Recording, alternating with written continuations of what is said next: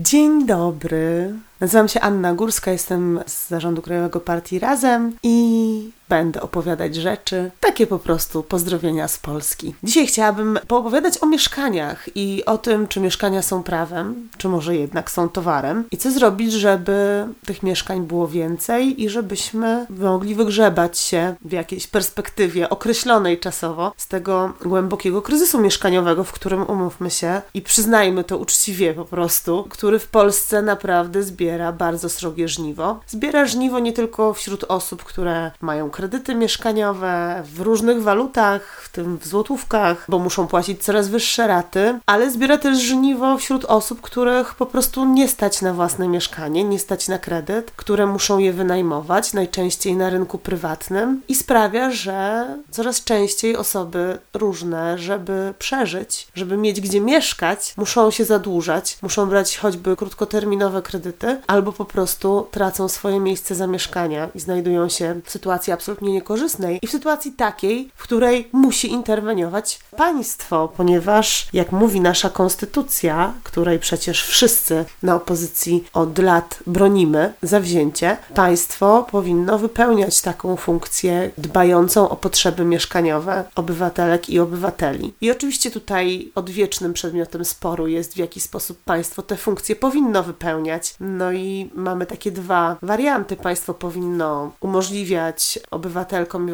obywatelom posiadanie tych mieszkań na własność, a po drugiej stronie, e, że państwo powinno budować mieszkania, które będą możliwe do wynajmowania. A wydaje mi się, że why not both? To znaczy, obie te funkcje, oba te działania świetnie wypełniają te funkcje państwa, tę opiekuńczą rolę państwa w stosunku do swoich obywatelek i obywateli, którzy potrzebują dachu nad głową, bo nie oszukujmy się, dach nad głową jest podstawową, jedną z najważniejszych, zaraz obok jedzenia i picia, potrzeb, jaką posiadają ludzie. Wielką niesprawiedliwością jest mówienie, że każdy jest kowalem swojego losu i każdy powinien sobie swój własny szałas zbudować. No nie. Przyjęliśmy jednak jakieś standardy życia w społeczeństwie. Umówiliśmy się na to, że no raczej wolimy mieszkać w, budynkach, nie w szałasach i nie w kartonach i nie na ulicach. W związku z tym jedną z elementów tej umowy społecznej jest to, żeby każdej osobie, która żyje w naszym kraju, umożliwić po prostu posiadanie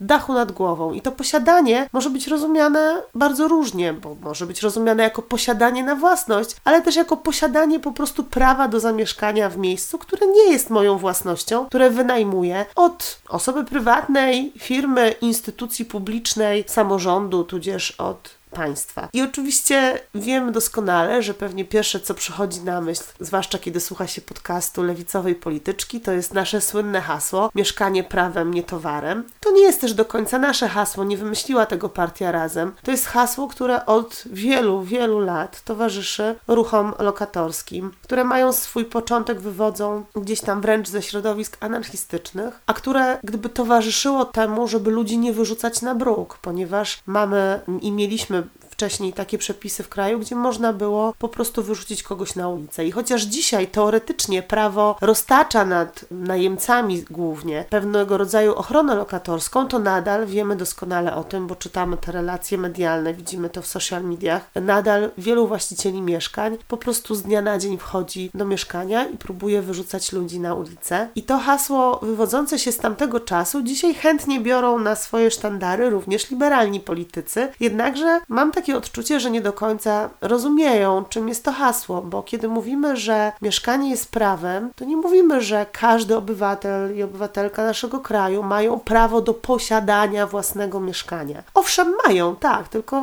wiemy, jakie są realia, jaka jest rzeczywistość. Nie każdej osoby będzie stać na to, aby posiadać na własność mieszkanie, ale mają prawo do dachu nad głową. I gwarantem tego prawa, tego, żeby to prawo było respektowane i wykonywane, jest właśnie państwo. Dlatego mówimy, że państwo powinno być właścicielem zasobu publicznego mieszkaniowego. Powinno budować mieszkania i umożliwiać osobom, których nie stać na kredyty, nie stać na wynajem na rynku prywatnym, wynajem po korzystnych, na korzystnych warunkach od instytucji publicznych, od państwa, być może od państwowej instytucji, a być może po prostu od samorządu. Tutaj są różne warianty do wyboru, w jaki sposób sposób te mieszkania będą budowane i dystrybuowane do osób, które ich potrzebują. Oczywiście wszyscy mamy też prawo posiadać mieszkanie na własność. I tutaj też państwo ma bardzo ważną rolę do spełnienia, a mianowicie taką, że powinno tak czuwać nad sektorem bankowym i nad rynkiem mieszkaniowym i branżą deweloperską, abyśmy ci, którzy już chcemy zadłużyć się na przykład, wziąć kredyt i kupić to mieszkanie, żebyśmy nie zostali puszczeni w skarpetach, tylko żeby to odbywało się na uczciwych warunkach, żebyśmy nie płacili kroci za te kredyty, żeby nasze raty nie wzrastały nagle z tygodnia na tydzień, z miesiąca na miesiąc, jak miało to miejsce ostatnio, kiedy w imię walki z inflacją e, Rada Polityki Pieniężnej gwałtownie podnosiła stopy procentowe. I ta rola państwa jest też nie mniej istotna jak ta rola państwa budującego mieszkania. A to, że mieszkanie nie jest towarem,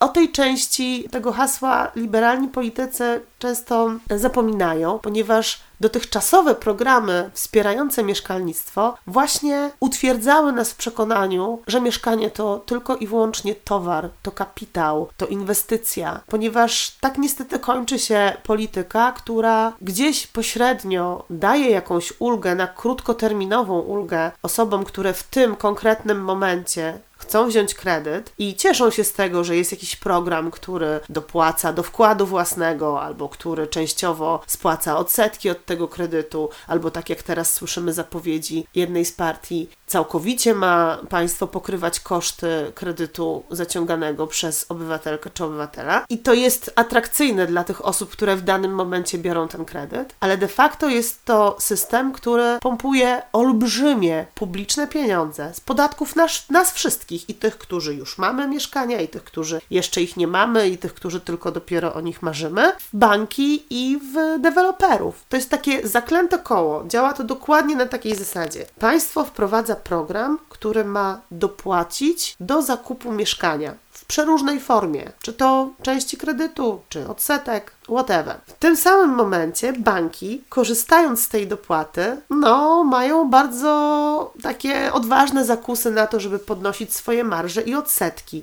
I robią to, bo jak wiemy, to jakie są odsetki kredytowe od kredytów z oprocentowaniem zmiennym, a to jest większość kredytów hipotecznych w Polsce, to ustalają same banki. Tego nie kontroluje żadna publiczna instytucja, żaden rząd, żaden Narodowy Bank Polski, żadna Rada Polityki Pieniężnej. To prezesi banków ustalają, jaki jest poziom tego mitycznego i słynnego w ostatnich miesiącach wiboru. A to od wiboru zależy, jak wysoką ratę będziemy płacić. I ona może być bardzo niska w momencie, w którym bierzemy kredyt, ale koniunktura gospodarcza może się zmienić, cykl gospodarczy może się odwrócić, może właśnie być taka sytuacja, z jaką mieliśmy ostatnio do czynienia, bardzo wysoka inflacja, na którą podstawową i pierwszą atawistyczną reakcją wielkich ekonomistów polskich, wielkich wielkich, tutaj używam cudzysłowu, jest podnoszenie stóp procentowych. Jeżeli podnoszone są stopy procentowe, to banki, które zaczynają tracić na depozytach, muszą sobie wyrównać swoje straty i natychmiast podnoszą ten WIBOR, który sami sobie ustalają. Siłą rzeczy rosną odsetki od kredytów i raty, jak widzieliśmy w ostatnich miesiącach, potrafią w ciągu miesiąca, dwóch urosnąć nawet dwukrotnie. I to jest sytuacja z gruntu chora, ponieważ to sprawia, że osoba, która zdecydowała się na taki kredyt, nie ma całkowicie poczucia bezpieczeństwa i de facto nie wie, nawet jeśli dzisiaj jest przekonana o tym, że stać ją na ten kredyt i że nie będzie problemu z jego spłacaniem, to nie wie,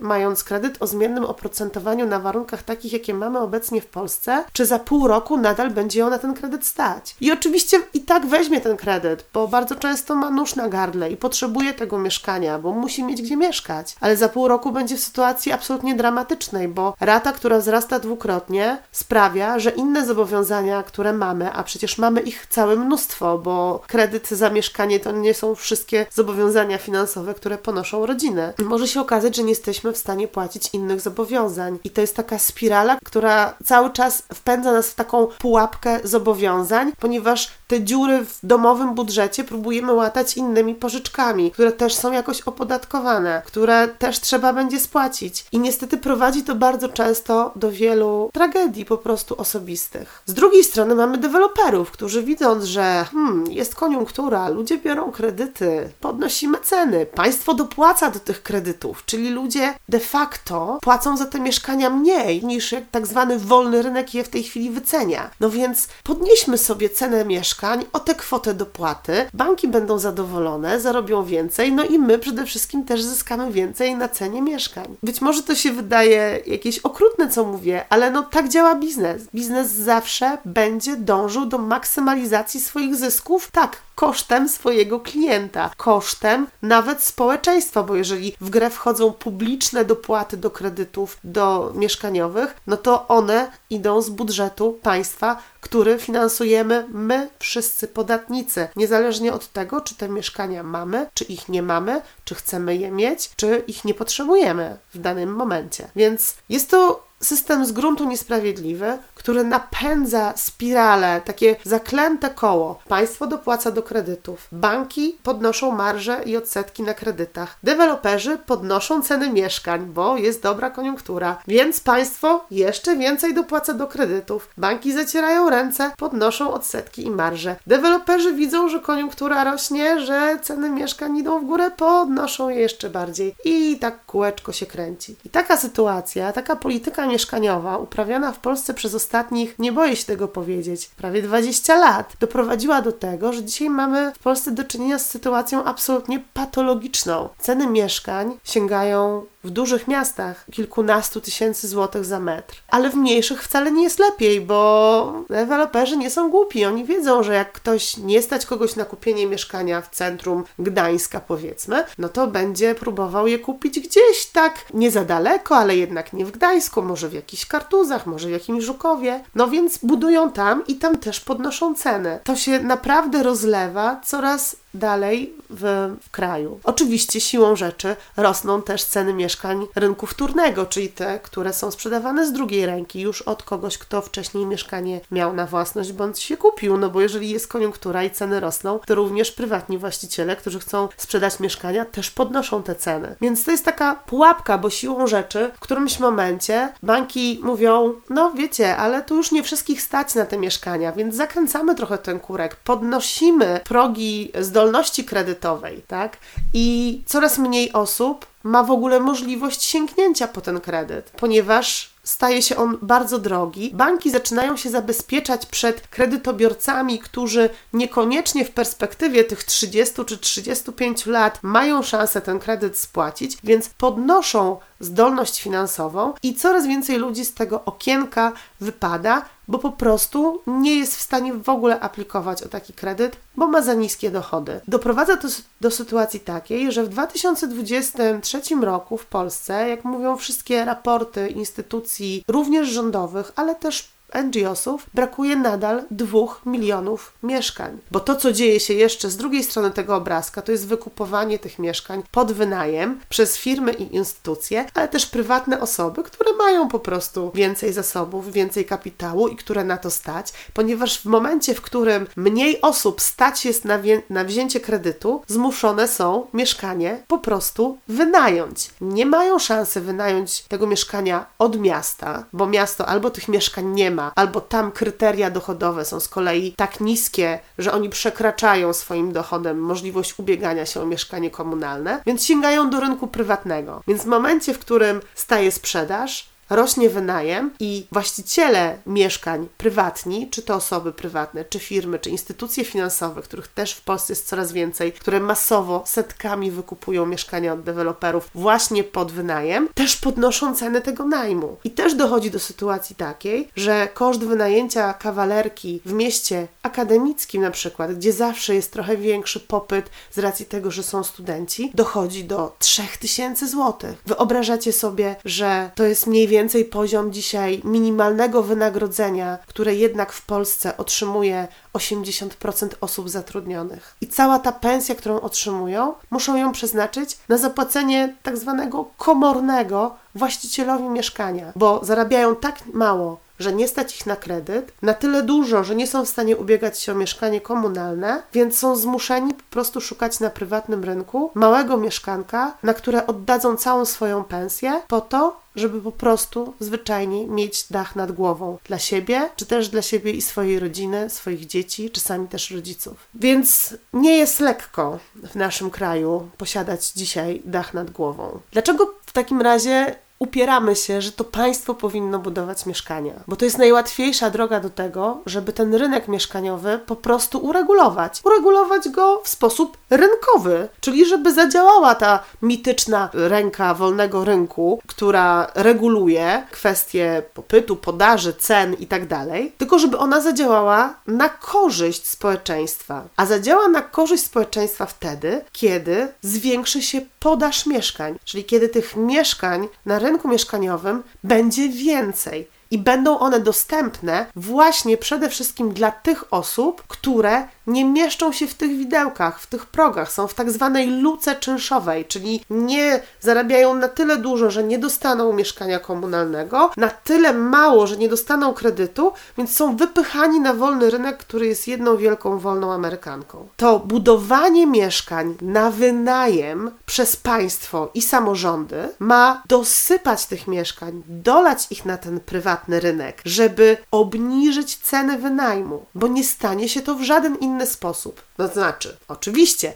są sposoby. Państwo może przyjąć ustawę, parlament może przyjąć ustawę o tym, że czynsze nie mogą być wyższe niż. To się nazywa regulacja czynszów. No ale wtedy słyszymy z każdej strony, Jezu, komunizm, no bo to w PRL-u regulowali wszystko i to tragedia Wenezuela. Nie uważam, że tak wcale musi być, państwo powinno w pewnym zakresie regulować ceny najmów, powinno wpływać na rynek mieszkaniowy również poprzez regulację i opodatkowanie chociażby pustych mieszkań, ale o tym nie teraz. Ale przede wszystkim, jeżeli nie chcemy już tego dekretować i wydawać na ten temat ustaw, ustaw i tych kagańców strasznych wolnemu rynkowi, to po prostu powiedzmy temu wolnemu rynkowi, proszę, rynku mieszkaniowy, masz tutaj dodatkową ilość mieszkań 100 tysięcy. 300 tysięcy. O takim, a nie innym czynszu. O czynszu, który pozwala wynająć to mieszkanie zwykłej rodzinie, w której powiedzmy dwoje partnerów zarabia najniższą krajową, mają jeszcze kogoś na utrzymaniu i tak, żeby oni byli w stanie zapłacić ten czynsz za mieszkanie i żeby ten czynsz za mieszkanie nie przekraczał 30% ich wspólnego dochodu, bo takie są standardy. Takie powinny być standardy europejskie, światowe, to są obliczenia wielu ekonomistów i wielu instytucji na całym świecie, że żeby żeby człowiek mógł godnie żyć, to koszt mieszkania nie powinien przekraczać 30% jego dochodu. No więc, jeśli państwo wrzuci na rynek takie ilości mieszkań o regulowanym niskim czynszu, dostępne dla osób, które dzisiaj znajdują się w tej luce czynszowej, no to ten rynek musi zareagować obniżeniem cen najmu na rynku prywatnym,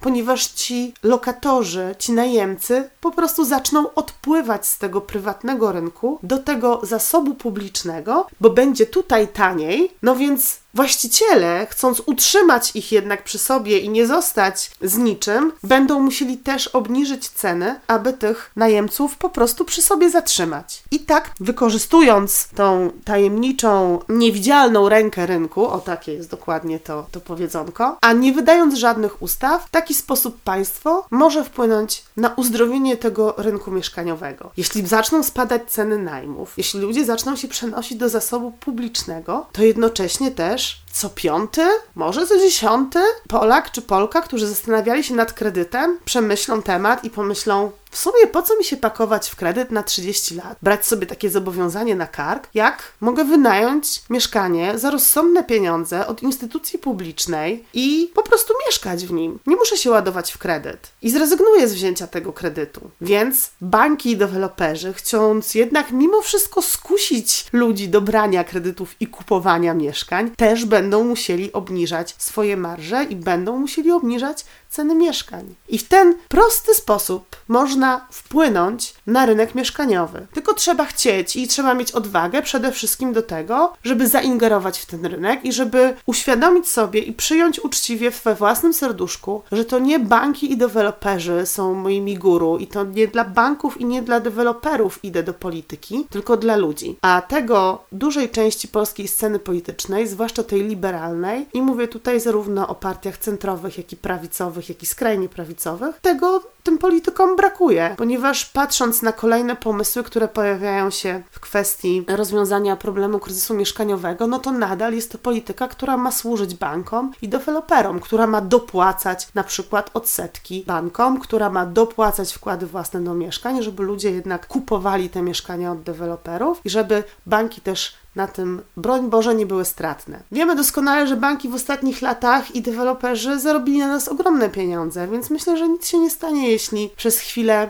podzielą się teraz trochę tym zyskiem, nawet jeśli miałoby to, no podzielą się, jeśli obniżą swoje przychody. Państwo musi budować mieszkania. Jeśli państwo przejmie rolę tej instytucji, która będzie budowała, to nie grozi nam też krach na rynku budowlanym, bo tym też często straszą nas deweloperzy. Jak my przestaniemy budować, to zniknie 150 tysięcy miejsc pracy. No nie, bo tych pracowników przejmie sektor publiczny, samorządy, instytucje państwowe, które będą zatrudniały tych ludzi i zatrudniały te same firmy budowlane do budowy budowania mieszkań do zasobu publicznego. I co jeszcze jest ważne, jeśli chodzi o ten zasób publiczny, to to, że to jest zasób, który nigdy nie zniknie z majątku państwowego. To jest zasób, który, owszem, ktoś może powiedzieć, ja brałem kredyt, a teraz z moich podatków państwo ma komuś budować mieszkania. Nie, państwo mieszkania buduje społeczeństwu. Dzisiaj będzie je wynajmował Kowalski, ale za 15 lat będzie je wynajmował Nowak albo jakaś inna osoba. Mało tego, nawet jeżeli osoby, które które zabezpieczyły swoje potrzeby mieszkaniowe po prostu biorąc kredyt i kupując sobie mieszkanie, czy budując sobie dom. I ja rozumiem tą emocję, która stoi za tym mówieniem bardzo często, że ja własnymi rękami. No tak, ale chcemy, żeby nasze dzieci miały lżej, żeby nie musiały tak harować jak my, żeby nie musiały kosztem tylu wyrzeczeń bardzo często wydrapywać po prostu rzeczywistości z oczu czegoś, co im się zwyczajnie należy, czyli dachu nad głową. No i tu może się pojawić znowu głos, ale ja już swoje dzieci zabezpieczyłem, ja mam mieszkanie, dzieci to odziedziczą. Super, świetnie. I po prostu szacunek dla ciebie, że jesteś tak myślącym przyszłościowo i zaradnym człowiekiem. Ekstra, ale nie jesteśmy w stanie przewidzieć przyszłości. I nie jesteśmy w stanie przewidzieć tego, czy to zabezpieczone przez nas, najbardziej troskliwie jak się da dziecko, nie będzie miało w swoim dorosłym życiu, kiedy my już będziemy niezdolni do,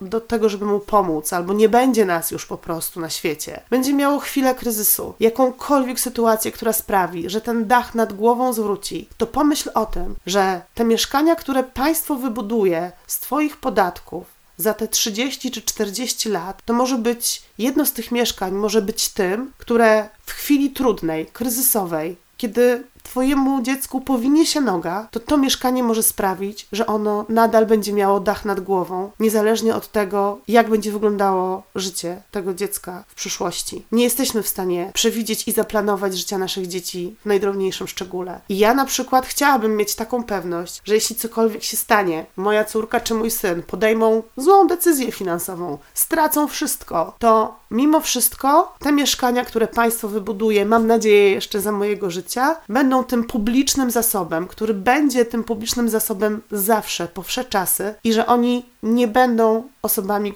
które znajdą się w kryzysie bezdomności, tylko będą mogły się do tego państwa, do tego samorządu zwrócić o mieszkanie, które będą mogli wynająć w pieniądzach rozsądnych, takich, które umożliwią im jeszcze dalsze życie. Także nie bójmy się publicznej polityki mieszkaniowej. Jak starałam się wytłumaczyć w tym podcaście, to jest jedyna rzecz, która może wyrwać nas z matni rosnących cen kredytów, z matni drożejących lawinowo mieszkań i braku tych mieszkań przede wszystkim. Postawmy na publiczne budownictwo mieszkaniowe, aby rzeczywiście hasło mieszkanie prawem, nie towarem znaczyło w Polsce dokładnie to, co ma znaczyć, że każda osoba, która mieszka w Polsce, ma prawo do dachu nad głową, niezależnie od tego, jakie są jej ambicje, jaki jest poziom jej zarobków, po prostu jest człowiekiem i musi mieć gdzie mieszkać. Dzięki bardzo, do usłyszenia.